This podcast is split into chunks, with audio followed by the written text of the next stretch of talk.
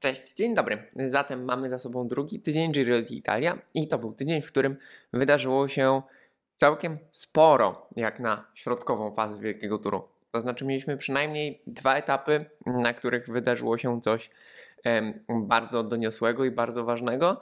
E, Mieliśmy też kilka znakomitych indywidualnych historii. E, Zatem podsumujmy drugi tydzień Giro d'Italia. Ja nazywam się Marek Tyniec i codziennie komentuję dla Was najważniejsze wydarzenia na włoskim turze. To było tylko 6 dni, y, przez to, że mieliśmy ten trzydniowy start y, na Węgrzech, dodatkowy dzień przerwy. To tak to wygląda, że teraz te kolejne tygodnie to są po 6 dni, e, no ale to było 6 dni bardzo intensywnych. E, No i znów e, warto przyjrzeć się zwycięzcom, warto przyjrzeć się sytuacji w klasyfikacji generalnej, ale przede wszystkim e, warto zauważyć, co z czego wynika, dlaczego mieliśmy taką, a nie inną e, rywalizację na kolejnych etapach. Zaczęło się od tego, że w zasadzie kontynuowaliśmy trend z pierwszej części Giro, czyli prawie każdy etap miał być dla Matthew Van Der Poola. Co więcej, Matthew Van Der Poel wziął sobie to bardzo do serca, bo Matthew Van Der Poel był aktywny na praktycznie każdym etapie. E, ale co jest istotne, to on poza tym, że tutaj jechał bardzo aktywnie i bardzo agresywnie, bardzo szukając swoich szans, e, to nic nie wygrał, natomiast wygrał jego kolega z drużyny Stefano Oldani na etapie 12 do Genui, który miał być etapem dla Matthew Van Der Poola.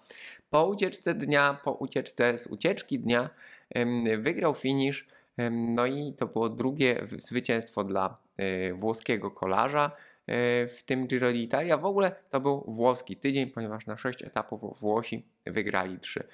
Oldani zanotował swoje pierwsze mm, zawodowe zwycięstwo, od razu zrobił to na wielkim turze. Świetna wygrana, y, znakomicie rozegrany finish, znakomicie wygrana końcówka, no i przede wszystkim bardzo y, taka ambitna postawa y, uciekinierów. Natomiast jeżeli już mówimy o tych debiutanckich zwycięstwach, to tych debiutów albo pierwszych wygranych e, mieliśmy tutaj więcej, ponieważ Alberto Dainese otworzył właśnie włoskie zwycięstwa. E, Alberto Dainese sprinter, włoski sprinter z grupy DSM, który tutaj w, no, w znakomitym finiszu mm, na etapie do Reggio Emilia pokonał zdecydowanie bardziej e, renomowanych rywali. Pokonał ich wyskakując im z zapleców dosłownie w ostatniej chwili.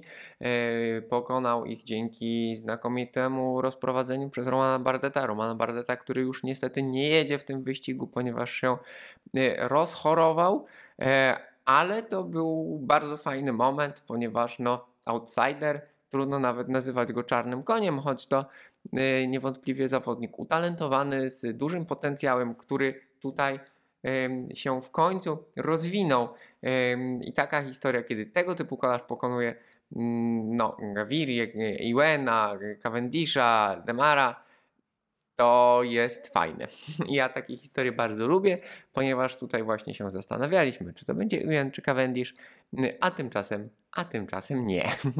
Zatem e, w tych sprinterskich pojedynkach również trochę się działo i póki co są one nieprzewidywalne i tak naprawdę wygrana Arnaud Demar w Cuneo e, również była intrygująca, choć to trzecia wygrana e, Francuza, francuskiego sprintera z grupy MFDJ w tym Giro, no to po pierwsze tam była ucieczka, o której nie byliśmy pewni, czy zostanie złapana, czy nie.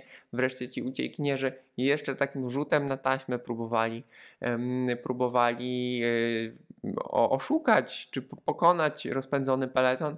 Końcu jednak to Demar em, był najszybszy na kresce, no i zanotował trzecie zwycięstwo etapowe w tym Giro. To jest naprawdę bardzo duża rzecz, tym bardziej, że tych okazji sprinterzy wcale y, nie mieli tak wiele.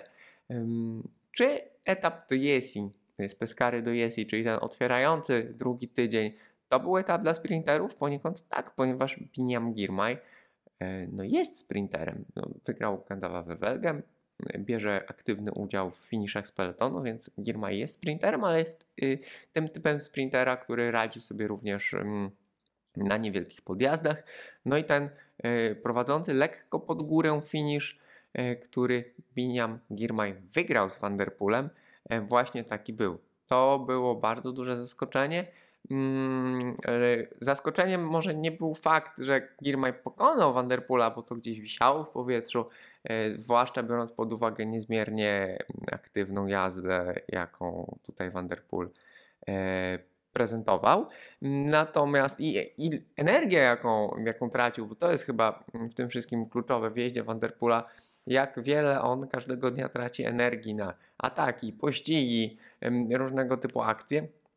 Istotne jest to, że Vanderpool po prostu został pokonany. To nie to, że Girmay był szybszy, Vanderpool po prostu nie dał rady. E, Vanderpool puścił korby, y, jakby uznał tego dnia uznał wyższość Girmaya. Natomiast historia Girmaya zakończyła się nie za dobrze, ponieważ y, celebrując zwycięstwo, korek od Prosecco uderzył go w oko. Tam powstał jakiś krwiak, no i Girmay musiał wycofać się z wyścigu, co jest dużą stratą dla tegorocznego Giro d'Italia. Od tego też czasu zawodnicy wino musujące na, mm, podczas dekoracji dostają odkorkowane. E, No i, i Dainese następnego dnia już cieszył się tym gestem zwycięstwa, cieszył się e, bez y, symbolu, symbolicznego otwierania y, tej wielkiej butelki Prosecco. No i co? No i przejdźmy do ostatniego etapu przed przerwą, do koń, gdzie wygrał Giulio Ciccone. To jest to wydarzenie osobiste, bardzo wzruszające dla Ciccone. I to był ten etap, który rozczarował kibiców, ponieważ nie mieliśmy rywalizacji w klasyfikacji generalnej. E, Po tym, co działo się dzień wcześniej, a dzień wcześniej etap e, wokół Turynu, e, ulicami Turynu po turyńskich wzgórzach, absolutne wariactwo, ściganie, atak drużynowy Bora Hansgrohe, bardzo duża selekcja, zmiana lidera. Juan Pedro Lopez bronił się od Etny właśnie do Turynu, ale tak czy inaczej, mimo utraty koszulki lidera, to też jest taka szersza narracja, mimo że e, Lopez stracił koszulkę lidera, to kolarze Treka w kolejnym dniu dzięki Giulio Ciccone i tej jego wzruszającej historii e, powrotu po trzech latach e, do wygrywania na etapach Giro d'Italia, etapa Treka nadal jest obecna i można już teraz powiedzieć, że ekipa Trek Segafredo jest, należy do tych drużyn, które z Giro d'Italia wrócą zwycięskie, no bo właśnie etap, bo koszulka lidera, bo aktywna jazda Bałkemolemy na wielu etapach. Widać ich, sponsorzy muszą być bardzo zadowoleni, mm, nawet jeżeli właśnie Ciccone poniósł porażkę w klasyfikacji generalnej. Zobaczymy jak długo Lopez będzie się bronił w pierwszej dziesiątce, czy da radę utrzymać miejsce w pierwszej dziesiątce generalki. To tak czy inaczej, to jest dla nich bardzo udany wyścig. No i dlaczego zacząłem tę, te, to podsumowanie od stwierdzenia, że tutaj mieliśmy dwa historyczne wydarzenia, czy bardzo ważne wydarzenia? No bo ta wygrana Girmaja jest istotna, to jest kamień milowy w historii kolarstwa, trzeba to powtarzać. Wiele się wydarzyło w tym tygodniu, było dużo emocji, były długie etapy, mm, było wiele godzin relacji, więc to, co wydarzyło się na początku tygodnia, może, e, może poniekąd no, pójść w zapomnienie. Natomiast wygrana e, kolarza e, afrykańskiego, czarnoskórego, e, no afrykańskich kolarzy poniekąd mieliśmy wygrywających etapy wielkich turów, natomiast kolarza z czarnoskórego z kraju no, bardzo biednego, z kraju rozwijającego się jest wydarzeniem wyjątkowym, jest inspiracją, o czym już mówiliśmy, dla tak naprawdę może nawet i pokoleń młodzieży dorastającej w krajach takich jak Erytrea, w krajach, w których e, system polityczny nie jest zbyt sprzyjający, w którym gospodarka nie za bardzo daje radę. E, I to jest jakby inspiracja dla ludzi na całym świecie, że można, można odnosić sukcesy mimo wielu przeciwności losu. O tych przeciwnościach losu uczymy się każdego dnia. Tym jest wygrana Simona Yatesa, który przyjechał wygrać Giro, a e, po kontuzji jedyne co może robić to walczyć o etapy. Tym jest historia Giulio Ciccone, który mm, no, po latach posuchy, po chorobach, po załamaniach formy, e, dla niego wygrana etapowa jest zdecydowanie czymś innym niż dla Simona Yatesa. Jest On mówi, że to jest pierwszy krok w nowej ery Giulio Ciccone. E, Mamy tego Dainese, który mm, wbrew temu, że są silniejsze drużyny, są bardziej utytułowani sprinterzy, on jest w stanie e, wspiąć się na wyżyny swoich umiejętności i wygrać z nimi finish. E, y, Mamy uciekinierów, którzy bronią się przed peletonem w heroiczny sposób, czasami skuteczny, czasami nieskuteczny. Mm, Także naprawdę to Giro d'Italia, kolarstwo w ogóle, no, może być e, inspiracją, może dostarczać bardzo wielu emocji związanych nie tylko z tym, że patrzymy, kto wygrał, kto przegrał, e, i nawet nie tylko z tym, co ja bardzo lubię, e, z analizą tych detali, jak rozgrywał się finish, jaka była mocna, wyrażana w watach na kilogram, czy tempo podjeżdżania wyrażane w metrach na godzinę w danym podjeździe. Tutaj naprawdę każdego dnia mamy bardzo, bardzo wiele historii. Każda z nich może nam coś przynieść po prostu i, to, jest, to jest piękne w kolarstwie, to jest piękne w tym sporcie. Y, Równie piękne co widoki, y, które podziwiamy każdego dnia w tle, które są areną, stadionem dla kolarzy. To jest, to jest no, imponujące oprócz tego wszystkiego, oprócz tych elementów kulturalnych, kulinarnych, o których słuchamy każdego dnia. E, mm, Co jeszcze? No, mamy lidera, mamy zmianę lidera, mamy Richarda Carapaza, który ma niewielką przewagę nad y, rywalami póki co. On zdobył koszulkę lidera na 14 etapie w tym roku, tak samo jak wówczas, gdy Giro d'Italia wygrywał. Próbował swojego firmowego ruchu, y, czyli takiego ataku w nieco mniej spodziewanym momencie. Y, Ma bardzo silną drużynę, zbiera pre, sekundy bonifikat na premiach lotnych. Ewidentnie jest bardzo zmotywowany do tego, żeby to Giro wygrać, natomiast y, widzimy, że w kluczowych momentach etapu y, wokół Turynu, no on był osamotniony i mimo, że na papierze jego drużyna wydaje się być znakomita, to przynajmniej jedna lub dwie ekipy, czyli Bora Hansgrohe i Bahrain Victorious, są równe Ineos Grenadiers, a być może nawet w najważniejszych momentach są mocniejsze. O tym przekonamy się w nadchodzącym tygodniu. Mamy wreszcie Jean Almeida, który mm, no, póki co jedzie w trybie minimalizowania strat, ale kto wie, może, e, może swoją wytrzymałością i właśnie taką konsekwencją e, i jakby na to nie patrzeć, niezłymi umiejętnościami jazdy na czas. Mm, Kto wie, może on to Giro nawet, e, nawet wygra. Mm, O tym, czy sobie poradzi, będziemy się dowiadywali na tych najcięższych etapach w nadchodzących, e, w nadchodzących dniach. Tam też gdzieś w tle jest historia Guillaume'a Martin, e, który jak jojo jedzie, e, jednego dnia traci, drugiego dnia zyskuje. e, Wchodzi do pierwszej dziesiątki, wypada z pierwszej dziesiątki i myślę, że przynajmniej jeden, dwa takie dni w wykonaniu Francuza z będziemy oglądać. Mm, No i teraz y, to, co pozostaje, to przejść do y, zapowiedzi nadchodzącego tygodnia. E, Mamy, y, et- mamy tydzień, e, czy też 6 dni, tak naprawdę, mm, gdy tylko jeden etap będzie etapem dla sprinterów, etap czwartkowy do Treviso, 150 km, stosunkowo krótki. No i jeżeli sprinterzy przetrwają, przetrwają e, Mortirolo, Aprikie, to będziemy mieli ostatni finish dla sprinterów. Zobaczymy, czy tam Cavendish dojedzie. Mm, Nagrywam w poniedziałek rano, więc mm, póki co mm, nie znam jego dalszych, dalszych planów co do tego wyścigu. No i zobaczymy, zobaczymy jak, sobie, e, jak sobie sprinterzy pozostali wymęczeni górami ten czwartek poradzą.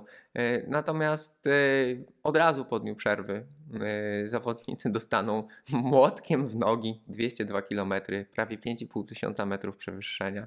Mortirolo, co prawda od łatwiejszej strony, ale cztery premie górskie, w zasadzie trzy, trzy premie górskie, jedna premia górska, na której nie ma premii górskiej, tylko jest premia lotna o sekundy. Bardzo ciężki podjazd prawie do mety Santa Cristina, meta Fabrici. No tutaj czegokolwiek by się nie spodziewać, będzie selekcja. Tym bardziej właśnie, że to jest po przerwy. Bardzo często po przerwy ktoś nie daje rady. E, Podjazd Santa Cristina jest bardzo selektywny. Mm, Może będzie jakaś akcja chwilkę wcześniej na e, tej premii Telio, Mm, natomiast realnie no to będzie piękny, długi dzień w górach.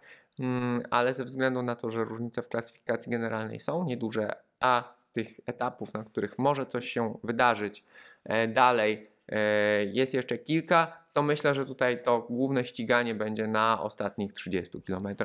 Mm, nie spodziewajcie się niczego wcześniej, e, ale kto wie, zawodnicy potrafią nas zaskoczyć na tegorocznym Giro. Następny etap do Lavarona jest taką również wirtualną metą na podjeździe, tak jak Aprilia jest taką wirtualną metą na podjeździe. Mm, tak również tutaj Lavaronem, no mimo że do mety jest troszkę w dół, to ostatnie, e, tym razem ostatnie 40 km to są dwa ciężkie podjazdy. Tutaj również może być coś ciekawego, choć no, to wszystko zależy od tego, jak wiele sił e, zawodnicy i drużyny zostawią na etapie do Aprisi. Także mój pies w tle się Y, bawi. No cóż poradzić. Także tak to, mm, tak to wygląda. Potem mamy ten wirtualny dzień przerwy w czwartek. E, w piątek e, wizyta w Słowenii i meta na krótkim e, podjeździe nieregularnym. No i sobota to ostatni królewski etap. Meta na Passo Fedai po drodze Pordoi i San Pellegrino. Nie bardzo długi etap, 167 km, no natomiast te kultowe przełęcze Prima Coppi, najwyżej położony punkt wyścigu. Pordoi i Fedaja to są wystarczająco selektywne podjazdy, e, żeby e, zdobywać przewagę przed czasówką. Co więcej, zawodnicy będą zmęczeni tym całym przewyższeniem zdobywanym przez prawie 3 tygodnie do tego momentu. No i cóż powiedzieć, myślę, że tam już będą trochę większe różnice w generalce na zasadzie pierwszej piątki, może niekoniecznie między pierwszymi dwoma, trzema zawodnikami, no ale przed czasówką tutaj trzeba będzie jechać co się ma, bo ostatni etap, niedzielna czasówka w Weronie jest niewielkim podjazdem, to jest y, no, ostateczne rozstrzygnięcie, gdzie może się wydarzyć wiele. To mogą być różnice między kilkunastu, od kilkunastu sekund do minuty dwóch między tymi, którzy lepiej jeżdżą na czas, a tymi, którzy gorzej jeżdżą na czas. Tym bardziej, że w klasyfikacji generalnej no, tych zawodników, którzy lepiej jeżdżą na czas jest bardzo niewielu. E, na myśl przychodzi tylko Almeida. Mamy klasyfikację generalną e, poniekąd ułożoną. E, jeżeli popatrzeć na listę, to do Emanuela Buchmana mamy 2 minuty, który jest siódmy. Do Vincenzo Nibalego, który jest ósmy, mamy 3 minuty. No i de facto tutaj kończą się zawodnicy, którzy mogą coś y, w klasyfikacji generalnej, mam na myśli od różowej koszulki po podium, zdobyć. Y, Carapaz 7 sekund Hindley, 30 sekund Almeida, 59 sekund Landa, y, minuta 1 Podcovivo, minuta 52 Bilbao, minuta 58 Buchman. Tak naprawdę Buchman, Bilbao to w teorii są pomocnicy E, Landy i Hindleya, no ale daje to też opcje taktyczne drużyną Bory i drużyną, drużynie Bahrajnu.